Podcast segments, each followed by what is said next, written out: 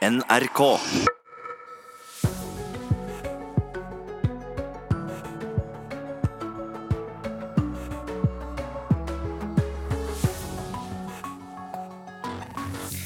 Hvorfor er det greit å ha høyere promille når du kjører båt enn når du kjører bil?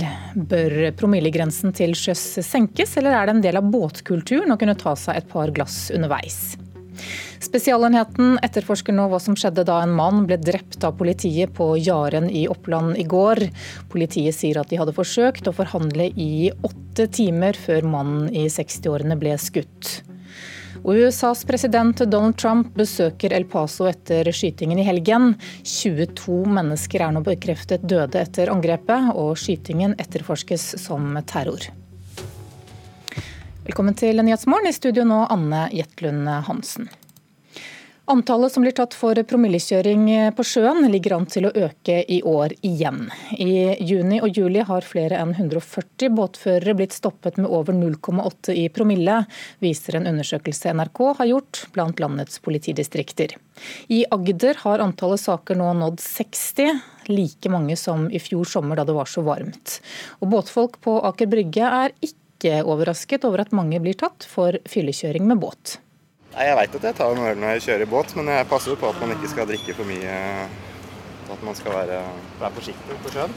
Jeg har ikke sett noen som har vært fulle, men eh, det er mange som drikker og kjører båt. På Aker Brygge i Oslo ligger solbrune kropper på båtdekk og steker i sola. Noen med en grønn boks eller en glassflaske i hånda. Og de fleste av dem er enig. Det er kultur for å drikke alkohol på sjøen. Dessverre så er det det, altså. Og jeg tenker at eh, noen steder så, så, sitter man og vorser i havna, og så drar man ut for å ha festen videre et annet sted. Og det er jo det er skummelt. Det er skummelt, rett og slett. Langs sørlandskysten ble antallet båtførere tatt med promille på over 0,8 doblet fra 2017 til 2018. Og den negative utviklingen fortsetter. I går kunne det samme politidistriktet fortelle at antallet promilleanmeldelser har nådd 60. Det samme som supersommeren i fjor. Tidligere i sommer uttrykte Sverre Birkeland i Agder politidistrikt bekymring for utviklingen. Og Det er vi bekymra for, det er høye antallet. Det ser ut som at eh, vi kan få en økning i forhold til eh, tidligere år. Tall NRK har fått tilsendt fra politidistriktene viser at 144 båtførere har blitt anmeldt for overskridelse av promillegrensen i juni og juli i år. Best politidistrikt er ikke med i beregningen. I Oslofjorden ble 22 båtførere tatt for promillekjøring i sommermånedene, mens 45 personer har mottatt advarsler etter å ha nærmet seg grensen. Ja, Det er nok politibåter i indre Oslofjord, ja. Jeg har blitt stoppa tre ganger på 14 dager. Så jeg hadde 0,6 den ene gangen, og ellers så blåser jeg null. Flere av båtfolka NRK møter på Aker Brygge, mener at grensene lettere tøyes på sjøen enn på land. Fordi nordmenn har en tendens til å drikke litt for mye, så det jeg ikke man nødvendigvis tar det så alvorlig det med båt kontra bil. Da. Det er jo mindre farlig, det er ikke trafikk på samme måte. Det er jo nulltoleranse i bil, og det er jo litt mer løssluppent her på vannet. Det skal være lov å kose seg litt på sjøen. Men fyllekjøring på sjøen kan også få alvorlige straffereaksjoner. Birkeland forteller at de som bryter 0,8-grensen vil bli anmeldt av politiet. Og om man har promille på mellom 0,8 og 1,2, får man forelegg av politiet på 6000 kroner. Og fra 1,2 til 1,5 så vil en da få bøter på 10 000. Over det så vil forholdene bli oversendt retten, eh, og da blir det påstand om eh, fengselsstraff. Eventuelt fengsel og bøter. Det synes flere av båtfolka på Aker Brygge at er på sin plass. Jeg syns at eh, det skal være null, nulltoleranse på alkohol på sjøen. Og, men kommer man i land, her har man kasta ankeret, så er det en ankerdram. Det må man, for da blir det godt vær. Ja, reportere her det var Pernille Solheim og Hilde Skarvøy Gjestland. Promillegrensen på veiene våre er altså 0,2, mens på sjøen er grensen 0,8. Stortinget har sagt nei til å skjerpe promillegrensen til sjøs. Og Elisabeth Christoffersen, generalsekretær i Emma rusfri trafikk, god morgen. Morgen, morgen. Dere mener at promillegrensen på sjøen bør være like lav som på veiene. Hvorfor det? Ja, det mener vi. Og det er først og fremst fordi at sjøen er en fantastisk arena for uh, rekreasjon, godt friluftsliv, kos, avkobling. Og da skal det være trygt for alle å ferdes der. Det er vel ikke like farlig å kjøre båt med promille som å kjøre bil? Vel, du er faktisk bedre beskytta i en bil enn i en båt. Kjører du på et skjær i full fart med en båt, da blir resultatet veldig ille. I en bil har man større sjanse for å overleve en krasj, faktisk.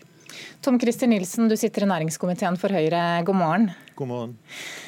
Politiet er bekymret. Hvorfor skal det være lavere promillegrense på, mm, på veiene våre enn på sjøen? Du, nå I første omgang så får jeg si at det politiet er bekymret for, og som de uttrykker her, er jo at uh, folk ikke holder den uh, promillegrensen som er i dag.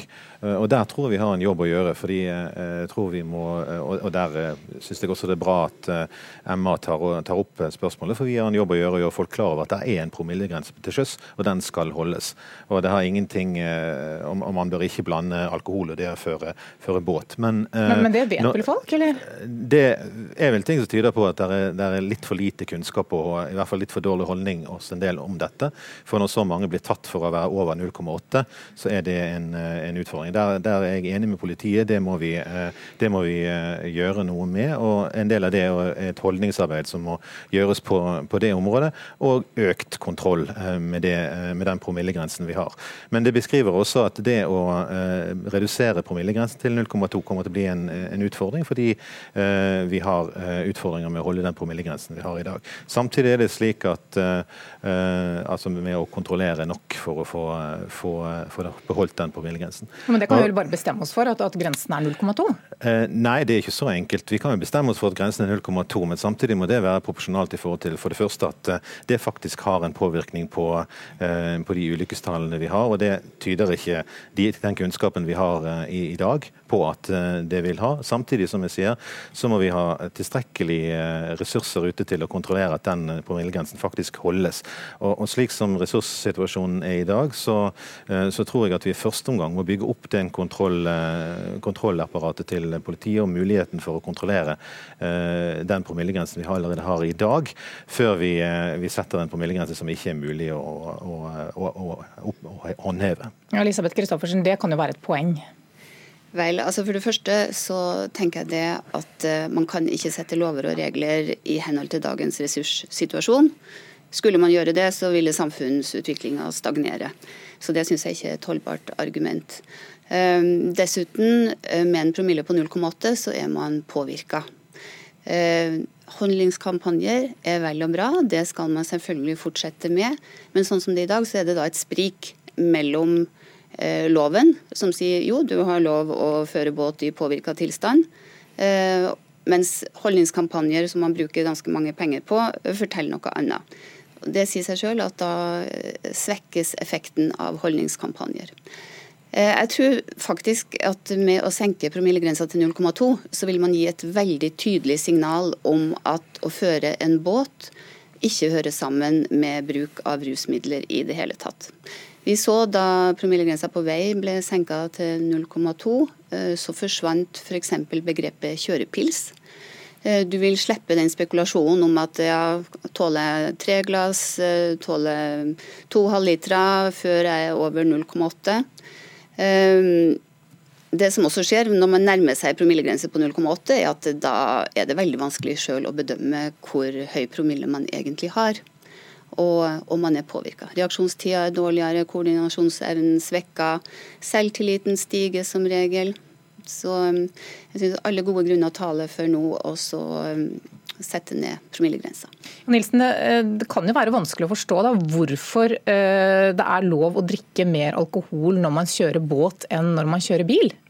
Nå er det ikke direkte sammenlignbart å, å, å se på veitrafikken mot, uh, mot, båttrafikken. Og når vi ser på Hvorfor ikke?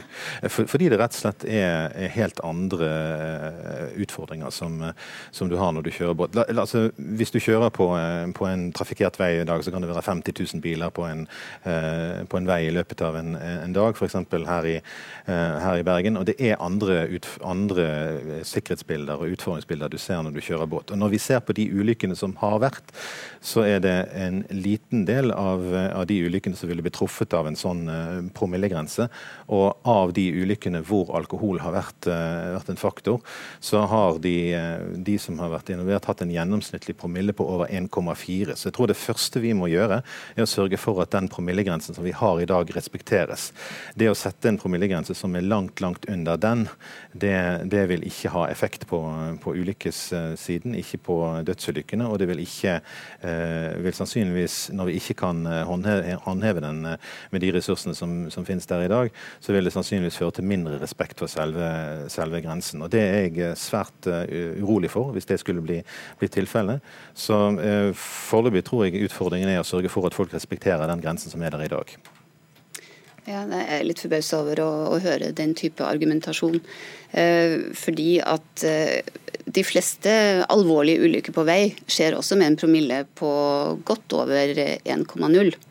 Og skulle man følge eh, det resonnementet, så kunne man jo heve promillegrensa på vei også til 0,8. Og det tror jeg det er ingen som kunne drømme om å gjøre i dag. Men hvis vi har erfaring fra land som har forsøkt dette, der, der vi har sett at effekten ikke er til stede, f.eks.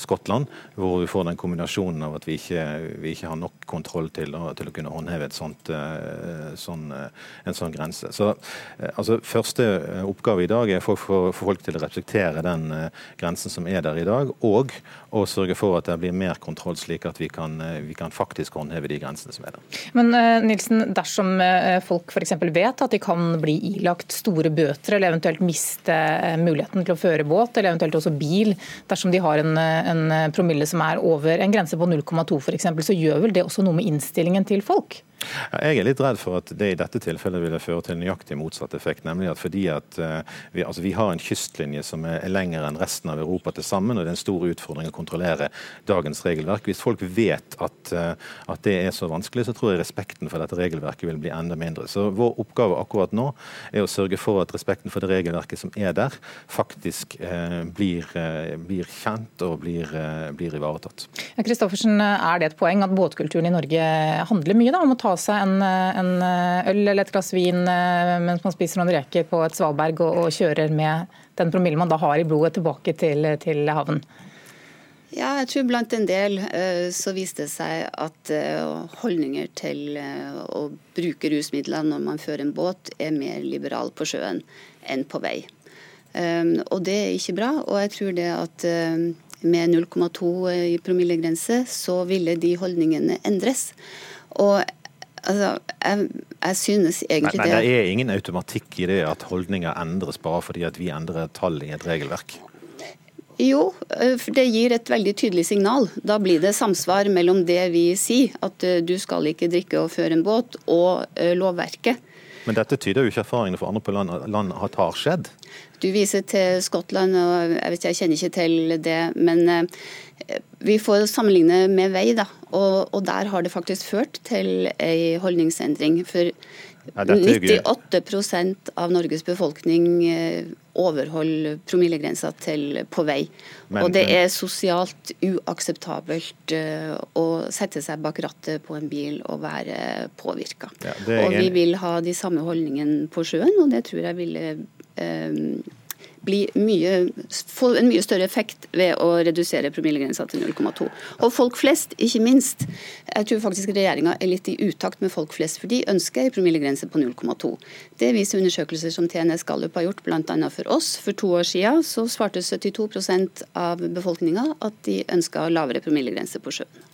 Jeg tror at Istedenfor å diskutere akkurat det tallet der, så tror jeg det er viktigere at vi nå diskuterer og sørger for at det blir gode holdninger til, eh, til eh, alkohol og sjøliv, og at eh, det ikke hører sammen å, å føre båt og, og, drikke. Og at vi, vi, nå sørger for at det regelverket som vi faktisk har, både at folk er klar over det, at holdningen endres til at vi følger det, og at kontrollen blir sterkere, slik at vi faktisk overholder det. Tom Christer Nilsen og Elisabeth Christoffersen, takk for at dere var med her i Nyhetsmorgen og snakket om alkohol til sjøs. Vi skal snakke om dette her litt senere også også like etter klokka åtte, men eh, det var alt akkurat nå.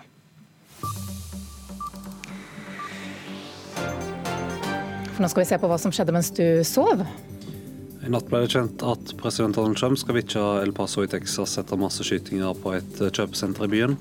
22 personer ble drept i åtaket, og Trump kommer til byen i morgen onsdag. Den 21 år gamle gjerningsmannen kjørte ifølge politiet i ti timer fra hjembyen, før han gikk inn på kjøpesenteret og begynte å skyte. Og politiet etterforsker åtaket som en terrorhandling. Ingen personer ble skadd da det begynte å brenne i et bofellesskap i Knarvik i Lindås kommune i Hordaland i natt. Nødetatene evakuerte sju personer fra boligen, og det er ikke meldt at noen er savnet. Politiet mistenker at brannen var påsatt. For fjerde gang på halvannen uke har Nord-Korea skutt opp kortdistanseraketter, ifølge det sørkoreanske nyhetsbyrået Yonhap. Militæret i Sør-Korea sier det ble skutt opp to raketter fra nordvestkysten, og at de havna i havet utenfor østkysten mellom Nord-Korea og Japan. Det statlige nyhetsbyrået i Nord-Korea, som er styrt av regimet, stadfester oppskytingene og sier det kan hende det kommer flere. Dette får du vite mer om dersom du følger med på NRK Nyheter i dag. Det kan komme mer om statusen i etterforskningen av forsvinningssaker på Lørenskog. Det er nå over ni måneder siden Anne-Elisabeth Hagen forsvant fra heimen sin. Bistandsadvokaten har kalla inn til pressekonferanse klokka tolv, og politiet holder pressekonferanse i ettermiddag. I juni sa politiet at de tror den 69 år gamle kvinna er blitt drepen.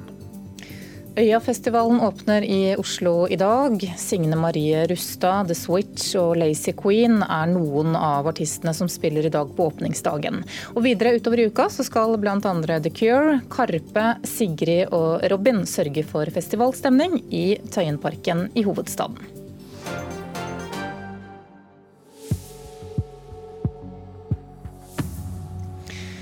Klokka er 7.19 nå. Du lytter til Nyhetsmorgen i NRK. Dette er hovedsaker hos oss. Antallet som blir tatt for promillekjøring på sjøen ligger an til å øke i år igjen. I juni og juli har flere enn 140 båtførere blitt stoppet med over 0,8 i promille, viser en undersøkelse vi har gjort. USAs president Donald Trump besøker El Paso etter skytingen i helgen. 22 mennesker er nå bekreftet døde etter angrepet, og skytingen etterforskes som terror. Og så skal vi snakke om eh, børsfallet i USA, som er det største hittil i år. USA beskylder nå Kina for å manipulere sin egen valuta.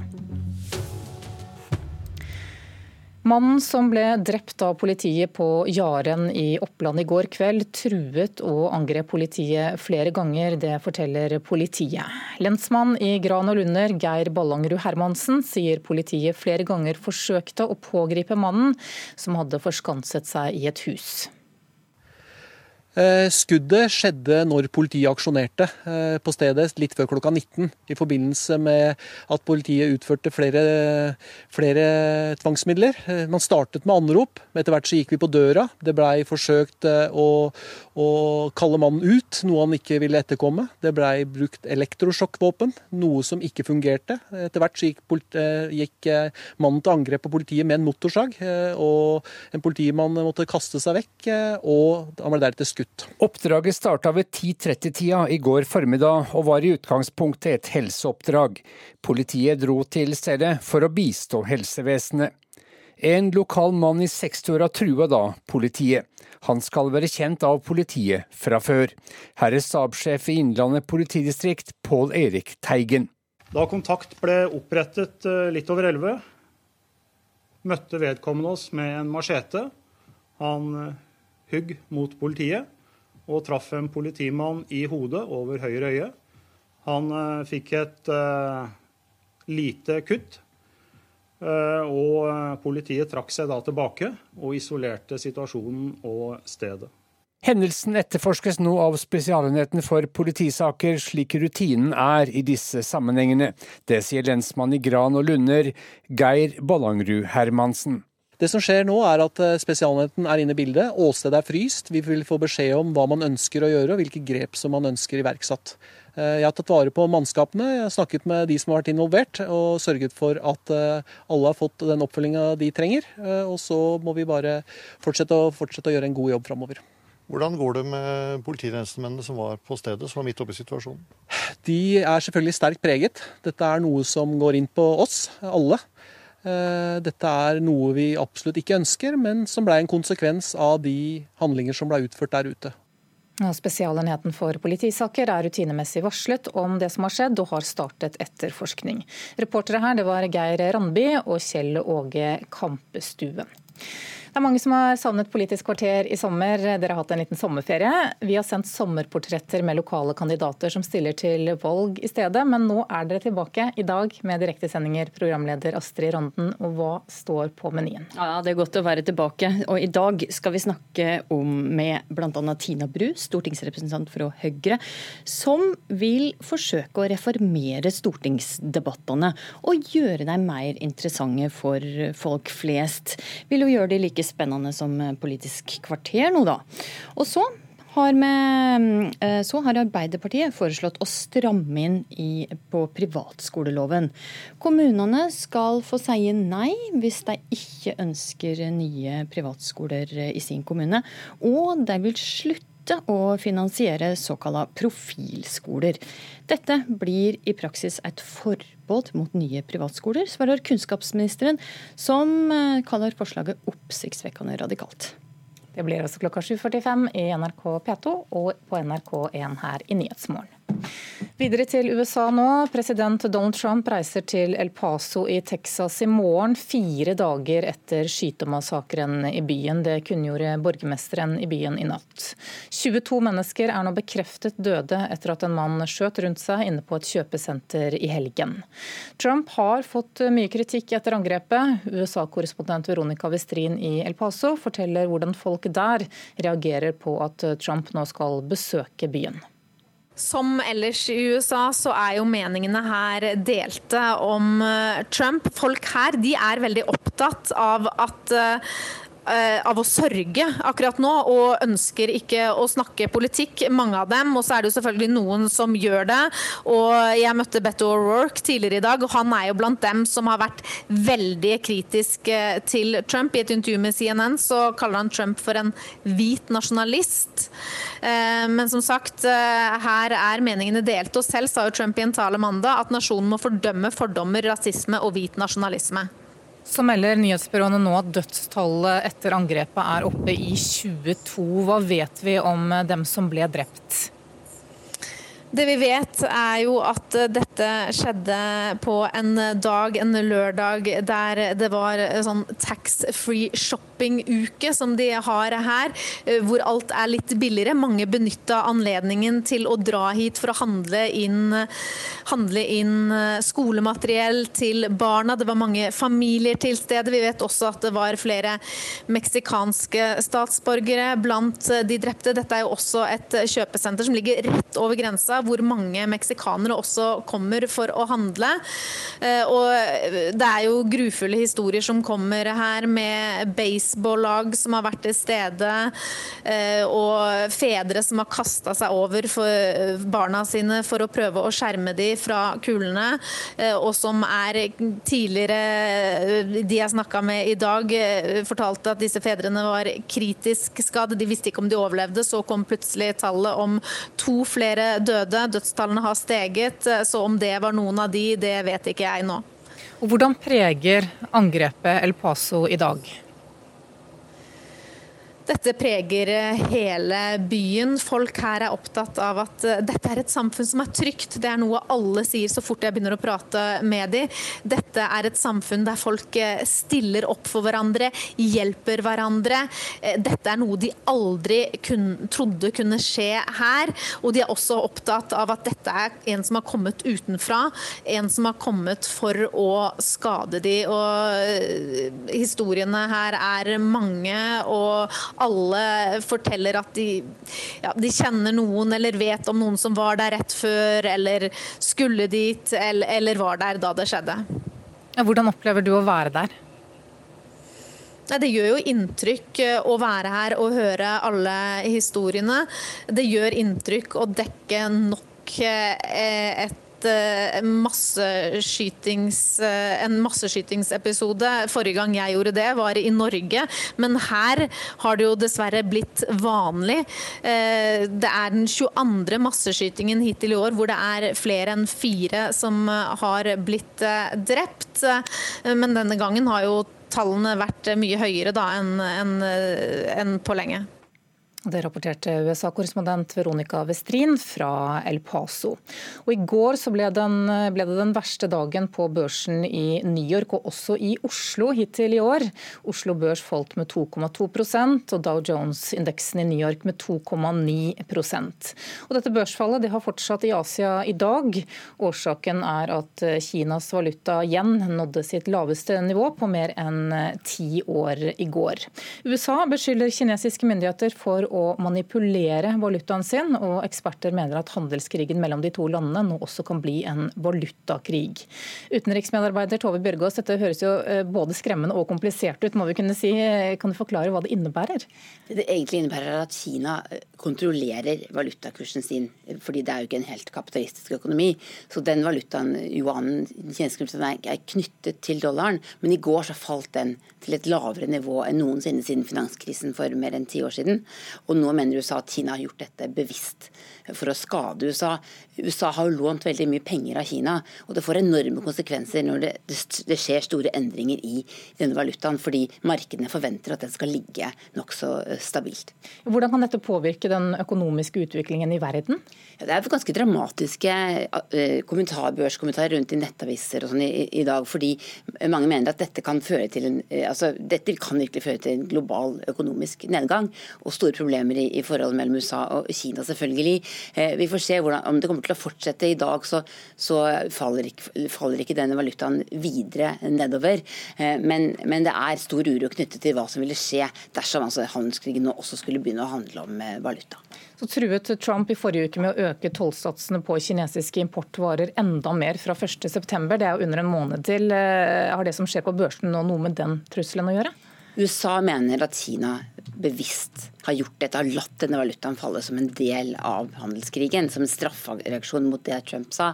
Det avviser kinesiske myndigheter i dag. Og, spørsmål, og nå har også USA faktisk eh, Handelsdepartementet USA sendt ut en, eller Finansdepartementet har bedt IMF også nå om å se på dette, det internasjonale pengefondet. Så dette, men, men, det er klart at eh, Kina vil jo svare på denne trusselen fra USA. Spørsmålet er nå eh, hvordan dette utvikler seg videre. Børsene i Asia fortsetter å falle i dag, så får vi se hvor dramatisk det blir. Takk skal du ha, utenriksmedarbeider Tove Bjørgaas. Klokka er 7.30, vi skal ha Dagsnytt. Mann skutt og drept av politiet i Akershus etter åtte timer med forhandlinger. Mange tegner for promillekjøring med båt til nå i sommer. Og president Donald Trump vil vitje El Paso etter masseskytinga i byen, der 22 personer ble drepne. Her er NRK Dagsnytt klokka 7.30.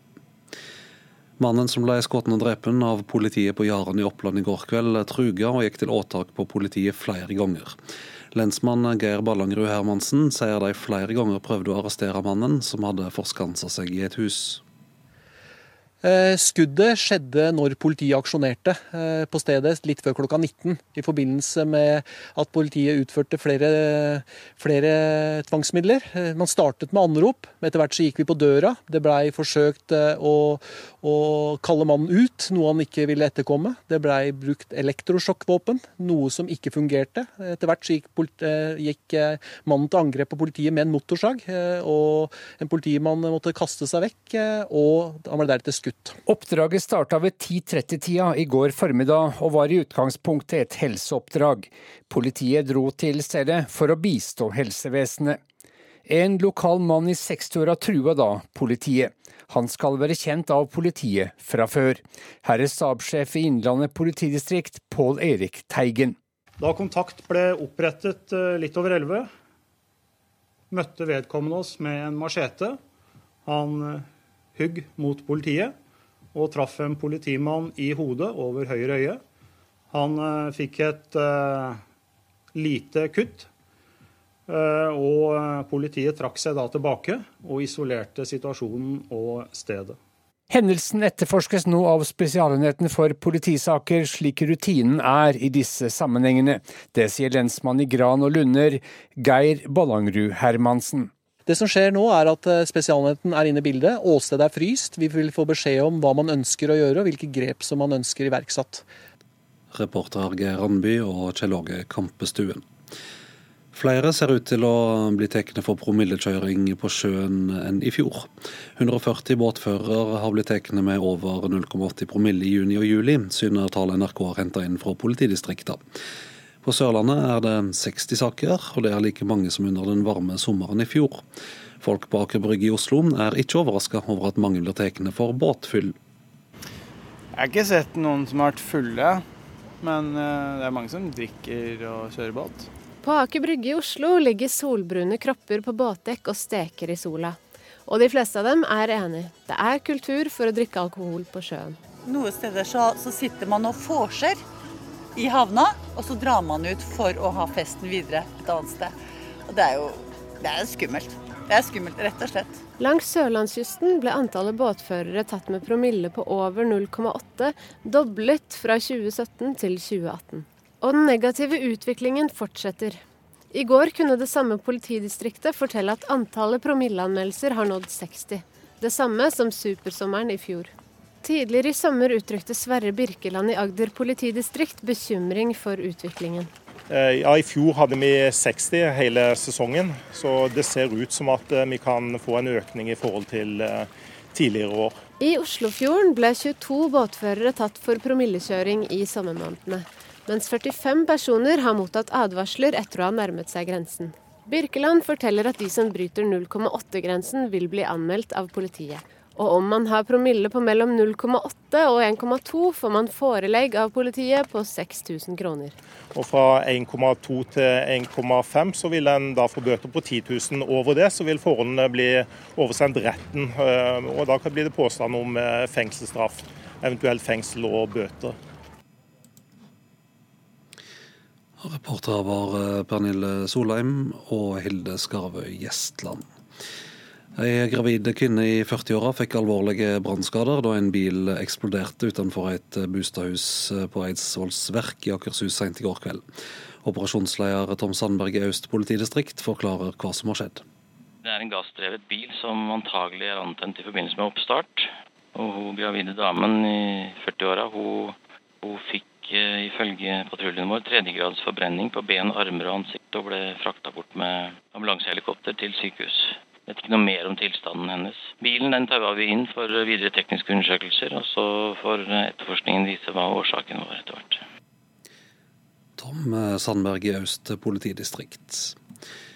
Det tok til å brenne i et eh, fly med elleve personer om bord da det landa på flyplassen i Århus i Danmark i natt. Flyet kom fra Oslo, melder TV 2. Alle passasjerene kom seg ut, og ingen er skadde. Ifølge dansk politi var det fire amerikanere, to fra Australia og en brite om bord. I tillegg til flytilsatte fra Tyskland og Østerrike. Flyet var en Cessna, og meldingene om brannen kom inn ved halv ett-tida. Den amerikanske presidenten Donald Trump skal i morgen eh, onsdag vitje byen El Paso, der nå 22 eh, mennesker er stadfesta døde etter masseskytinger på et kjøpesenter. Kjøpesenteret ligger ved grensa til Mexico og er svært populært blant meksikanere. Gjerningsmannen har sagt at han var motstander av innvandringa til USA. Korrespondent Veronica Westrin er i byen. Dette er jo et samfunn som nå er i dyp uh, sorg. Eh, men det er også et samfunn der folk nå kommer sammen, stiller opp for hverandre og hjelper hverandre. Eh, F.eks. så strømma folk til da de ble bedt om å komme og gi blod. Jeg har hørt fra helsepersonell her at de måtte si nei takk, dere må komme tilbake seinere. For de fikk veldig raskt nok blod. Og det er noe alle er opptatt her. Dette er et samfunn eh, der de trodde dette aldri ville skje. Det er et samfunn de opplever vanligvis som trygt, og de er opptatt av at dette var en som kom utenfra for å skade dem. Donald Trump eh, sier han vil komme til byen. Eh, hvordan er reaksjonene på det? Trumps besøk er det selvfølgelig delte meninger om, eh, som ellers i USA. Når det gjelder Trump, eh, demokratenes presidentkandidat Beto O'Rourke, som er herfra, har jo vært til stede. Vi møtte han her tidligere i dag, og er jo blant dem som er svært kritisk til Trump. I et intervju med CNN kaller han eh, Trump for en hvit nasjonalist. Men her er mange opptatt av å sørge og ønsker ikke å snakke politikk. Og selv sa jo Trump i en tale mandag at nasjonen må fordømme fordommer, rasisme og hvit nasjonalisme. Stortinget er lukka, gammeldags og henger ikke med i tida. Det mener stortingsrepresentantene Tina Bru og Henrik Asheim fra Høyre. Og de ønsker seg en reform. Vi spurte folk på gata ved Stortinget om de følger med i debattene i parlamentet. Nei, jeg vil aldri si at jeg har sett, de har sett på det, nei. Nei, det har jeg ikke. Hvorfor ikke det? Det blir for kjedelig. Så enkelt. Nei, det har jeg ikke.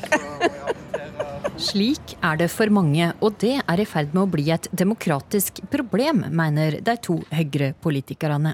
Jeg føler at folk ikke får med seg det som skjer her inne.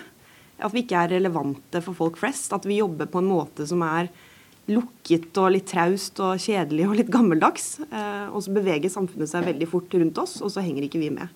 Og det skaper en avstand mellom folket og politikerne. For debattene de har inne på Stortinget er altfor sjelden heftige, mener de to. Det er et problem at vi sitter i salen og der sitter det ofte nesten ingen, fordi debatten er veldig teknisk og kjedelig. Men er ikke det også litt fordi at politikk er litt kjedelig? Jo, men det trenger jo ikke å være det. Det er vel litt det som er poenget vårt. at det, det, er jo tydeligvis ikke det, når du ser det store engasjementet som vekkes rundt forskjellige saker. Se på bompengeopprøret, se på vindkraftsaken. altså Det er masse politikk i det som folk syns er spennende. Reporter Astrid Randen, og det blir mer om saka i Politisk kvarter, som i dag er tilbake med direktesendinger klokka kvart på åtte i P2 og i NRK Alltid nyheter.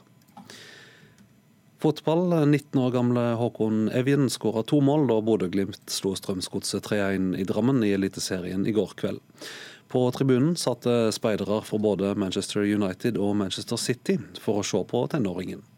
Nei, det er selvfølgelig utrolig kult. Jeg var jo ikke helt klar over det før jeg, før jeg spilte kampen. Men uh, selvfølgelig er det utrolig kult å få skåre to mål òg. Det, det, er alltid gøy. Og så går gjennom huet ditt når du hører at United ser på deg som uh, hører er favorittklubben din? Nei, altså selvfølgelig det er utrolig artig, hva man skal si. Men altså, ingenting er sikkert før, før ting skjer. da. Det, det er sikkert ikke noe skjer. Man skal jo bare fokusere på seg sjøl fremover nå, og det er det jeg gjør. Så man, man får nå bare se. Håkon Evjen til reporter Gjermund Midtbø. Og Bodø-Glimt eh, ligger nå på andreplass i Eliteserien, men de har spilt eh, færre kamper enn Molde. Og kan dermed ta over eh, tabelltoppen om de vinner de kampene. Strømsgodset ligger sist i Eliteserien. Ansvarlig for sendinga Arild Salbjørg, i studio Vidar Eidhammer.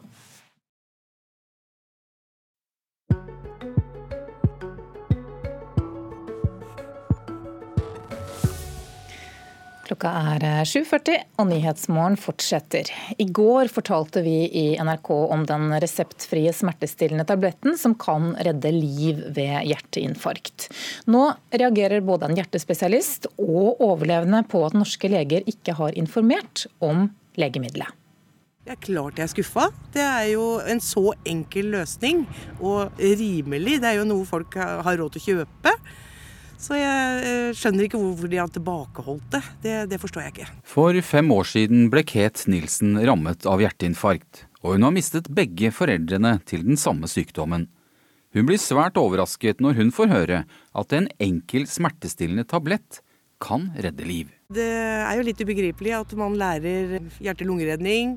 Man skal x antall kompresjoner, eh, inn- og utpustinger. Men det har jo aldri vært snakk om den tabletten. I går fortalte NRK om den smertestillende tabletten som ambulansepersonell har brukt i en årrekke for å redde livet til hjertepasienter. Virkestoffet acetylsalicylsyre virker blodfortynnende og kan løse opp blodpropper rundt hjertet i løpet av minutter.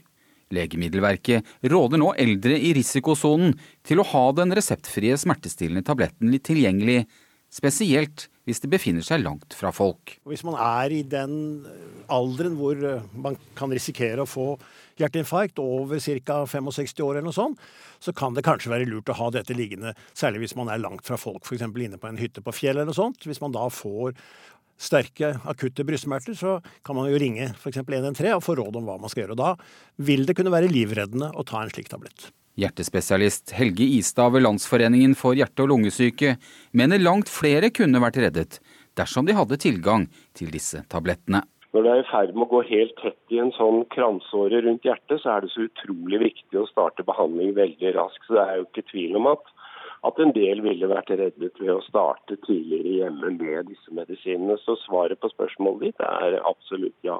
Ifølge Istad har mange leger de smertestillende tablettene hjemme, nettopp fordi de vet hvor effektivt de virker. Når man beskytter seg selv, så burde man jo gi opplysning til allmennheten om at de også kan ha dette hjemme, og at det er veldig trygt å bruke eh, i en sånn akutt situasjon. Men hjertespesialisten møter motbør fra sine egne.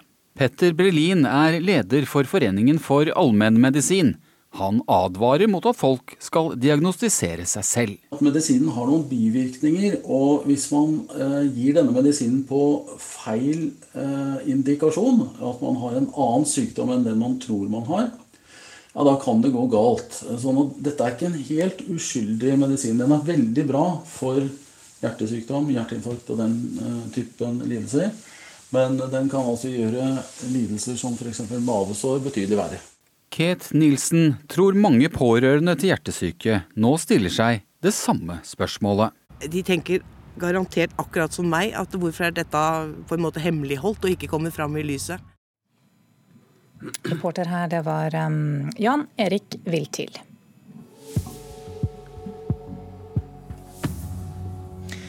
Klokka nærmer seg 7.44. Du lytter til eh, Nyhetsmorgen, og straks skal du få høstens første politiske kvarter her direkte i Nyhetsmorgen. Før det så skal vi minne om hovedsakene våre. Antallet som blir tatt for fyllekjøring med båt ligger an til å øke i år igjen. I juni og juli har flere enn 140 båtførere blitt stoppet med over 0,8 i promille, viser en undersøkelse NRK har gjort hos landets politidistrikter. Mannen som ble drept av politiet på Jaren i Oppland i går kveld, truet politiet med machete og motorsag, ifølge politiet selv. Spesialenheten etterforsker nå hva som skjedde i forkant av at politiet skjøt mannen. Så har det vært det største børsfallet i USA og også i Oslo hittil i år. Dow Jones-indeksen i New York falt med 2,9% og børsfallet har fortsatt i Asia også i dag. Og så skal eh, USAs president Donald Trump på besøk til eh, El Paso, som ble rammet av en skytemassakre i helgen. Han kommer til byen eh, i morgen. Da er klokka straks 7.45. Astrid Randen sitter klar med sine gjester.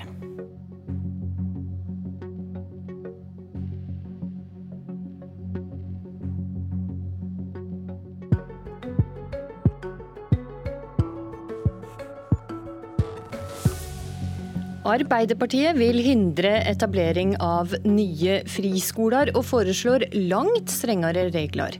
Det blir i praksis et forbud, mener kunnskapsministeren. Og Tina Bru, stortingsrepresentant fra Høyre, vil gjøre debattene på Stortinget mer interessante. skal det bli like spennende som Politisk kvarter nå? God morgen, du hører eller ser på Politisk kvarter, som nå er i gang igjen med direktesendinger etter sommeren. Første tema er altså friskoler. Martin Henriksen, skolepolitisk talsperson for Arbeiderpartiet. Ap vil altså stramme inn. Hvem er det det vil slutte å gi statsstøtte til nå? Vi er fortsatt for at uh, man skal kunne ha privatskoler i Norge som et supplement til den offentlige skolen. F.eks. religiøse eller pedagogiske alternativer, sånn som vi har hatt i Norge i mange år. Men det vi er bekymra for, det er særlig to ting. Det ene er at vi ser en veldig klar økning i antallet elever på privatskoler under høyreregjeringa. Det har økt antallet uh, elever i private grunnskoler har økt med nesten 40% under Erna Solberg. Eh, og det er fordi, altså Den andre bekymringa er at det her er skoler som ofte konkurrerer helt direkte med det offentlige skoletilbudet, etter at eh, dagens regjeringspartier endra privatskoleloven i 2015. Det er, pro, det er såkalte profilskoler, bl.a., okay, som i praksis er helt lik den offentlige skolen, og ikke lenger er et supplement, men en konkurrent til den offentlige skolen. Og så tilbake til spørsmålet mitt. Ja. Hvem er det det vil slutte å gi statsstøtte til? Vi vil endre eh, godkjenningsgrunnlaget i privatskoleloven, sånn at man ikke skal bare kunne være en profilskole eller ha et tilbud som er helt likt den offentlige skolen om å starte privatskole, men at det må være f.eks. religiøse og pedagogiske alternativer. Og Det er da nye etableringer. Det er ikke tilbakevirkende kraft. Vi kommer ikke til å gå inn på dagens privatskoler og stenge dem ned. Men vi gir veldig klart, eh, en veldig klar beskjed om at vi vil satse på den offentlige fellesskolen der de fleste elevene går, gjøre den best mulig, og så ha privatskoler som et supplement, ikke en konkurrent til den offentlige fellesskolen. For det er med å svekke altså, ingen, fellesskolen på sikt. Ingen nye idrettsungdomsskoler f.eks., hvis det får det som det vil? Nei, det er den type uh, privatskoler som vi mener er en direkte konkurrent med det offentlige tilbudet. og som også ofte opprettes mot kommunens vilje. For Vi mener jo at kommunene må ha større mulighet til uh, å si nei, større mulighet til å styre skolestrukturen i sin egen kommune. Når vi ser at det har vært veldig mange privatskoler de siste årene som er starta mot kommunens vilje, Eh, så mener vi det er negativt for kommunens mulighet til å satse på den offentlige fellesskolen f.eks. Kunnskapsminister Jan Tore Sanner eh, fra Høyre, hva blir konsekvensen av Arbeiderpartiet sitt forslag? Det Arbeiderpartiet nå foreslår, det mener jeg er oppsiktsvekkende radikalt. Vi må ikke glemme at eh, det kun er 3,7% av elevene som går i en friskole på grunnskolenivå. Innenfor videregående skole så er det noen flere. Men det har vært ei stor auke, forteller Martin Henriksen her. Ja, men det er fortsatt 3,7% og under de rød-grønne så var det en vekst på 20% Jeg er enig med Martin Henriksen i at eh, vårt hovedoppdrag det er å sørge for en god offentlig skole for alle. Det Arbeiderpartiet nå foreslår, det er f.eks. at eh, Havbruksakademiet på Brønnøysund på Sør-Helgeland, som har 30 elever, ta 2500 kroner i semesteravgift, ikke skal kunne drive. Det er et eksempel på det som kalles for en profilskole hvor eh, oppdrettsnæringen samarbeider med skolen og lager et godt, nytt tilbud for, for elevene. Hvorfor, Martin Henriksen, hvorfor vil du ikke ha en skole for havbruksnæringa? Altså, vi skal ikke stenge ned noen skoler, men det det er snakk om her, det er jo at det startes veldig mange skoler som er nesten prikk lik det offentlige tilbudet, og ofte utkonkurrerer det. Det er altså sånn at... Men En skole for havbruksnæringa er vel ikke prikk lik ei, ei offentlig skole? Nei, Vi har sjømatlinje, vi har den type tilbud innenfor det offentlige i dag. Og vi i Arbeiderpartiet har jo tatt til orde for, men blitt nedstemt eh, av bl.a. Høyre i Stortinget, om at vi ønsker mer innovasjon og nytenking i den offentlige skolen. Jeg mener det er fallitterklæring erklæring eh, si at innovasjon, nyskaping, nye tilbud kun kan komme som resultat eh, av private eh, løsninger. Men Henriksen, Hvordan kan du dokumentere at etableringa av private skoler faktisk går ut over den offentlige skolen? Det har vi fått mange eksempler på, senest i NRK sin sak i, i forrige uke, der det eksempelet er Porsgrunn f.eks. Der startes det nå to nye private skoler mot kommunen sin vilje. Der sier ordføreren at det de ønsker å bruke midlene på, det var bl.a. å satse på å få iPad til alle elever i skolen og skolemat. Det får de mye mindre mulighet til når det opprettes privatskoler mot deres vilje, fordi at dette er altså penger som i realiteten tas fra det offentlige budsjettet, fra den offentlige fellesskolen. Og den utviklinga der, og når vi ser den økninga som har vært under høyreregjeringa, så mener vi det er negativt for den offentlige fellesskolen på sikt. Og jeg sier ikke at det er en alarmerende situasjon nå, men det blir det på sikt. Hvorfor tvinger du kommunene til å, å, etablere private skoler når de sjøl sier det går utover de offentlige skolene? Martin, Martin Henriksen sauser sammen veldig mye. For det første så har eh, kommunene fått vesentlig bedre økonomi under de siste årene med borgerlig regjering.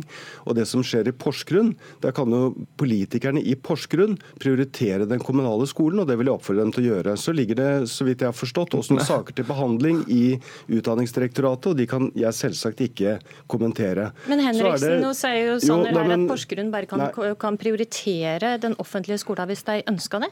Ja, Det er jo sånn det høres ut på, på høyreregjeringa. At, uh, at det er ikke noe problem bare å prioritere de kommunale budsjettene, men både med trang kommuneøkonomi og penger flyttes fra det offentlige uh, til privatskoler, så får man ofte en utfordring. Og Jeg syns det er veldig forstemmende å høre på kunnskapsministeren nedprioritere lokaldemokratiet.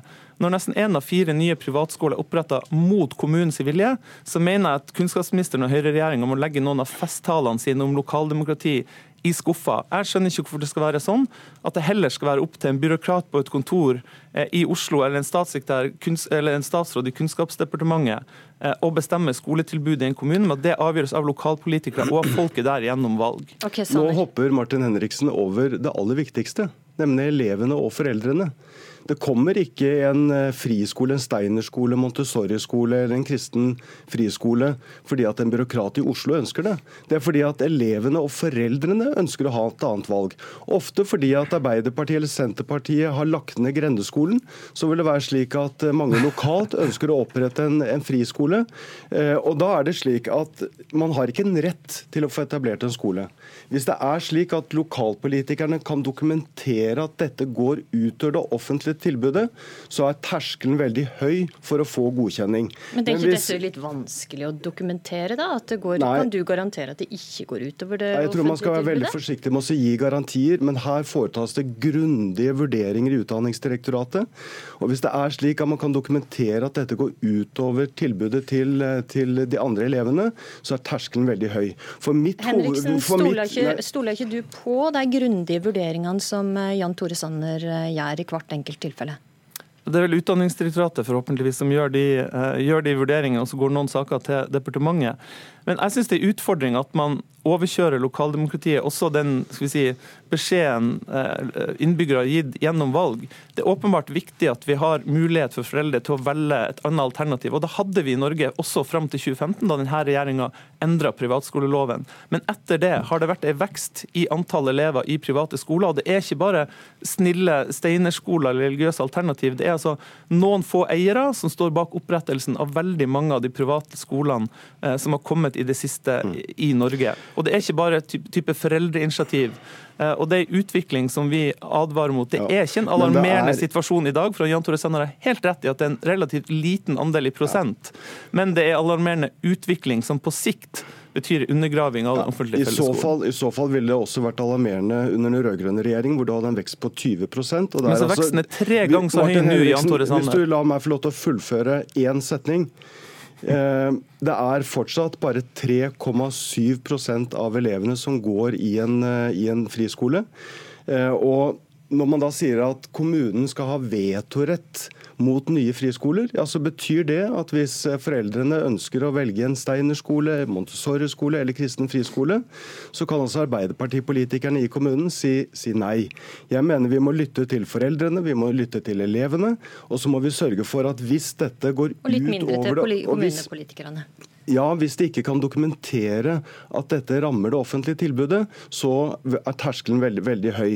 Men for meg så er det viktig at vi sørger for en god offentlig skole for alle elevene. Det er grunnen til at vi satser på lærerne. Det er grunnen til at vi satser på, på tidlig innsats. Men det må være rom for alternativer. Ok, Der fikk dette... du faktisk siste ord, eh, Jan Tore Sanner. Eh, takk for at du kom i studio her på Marienlyst, og takk også til det Martin Henriksen, som var med oss fra studio i Tromsø.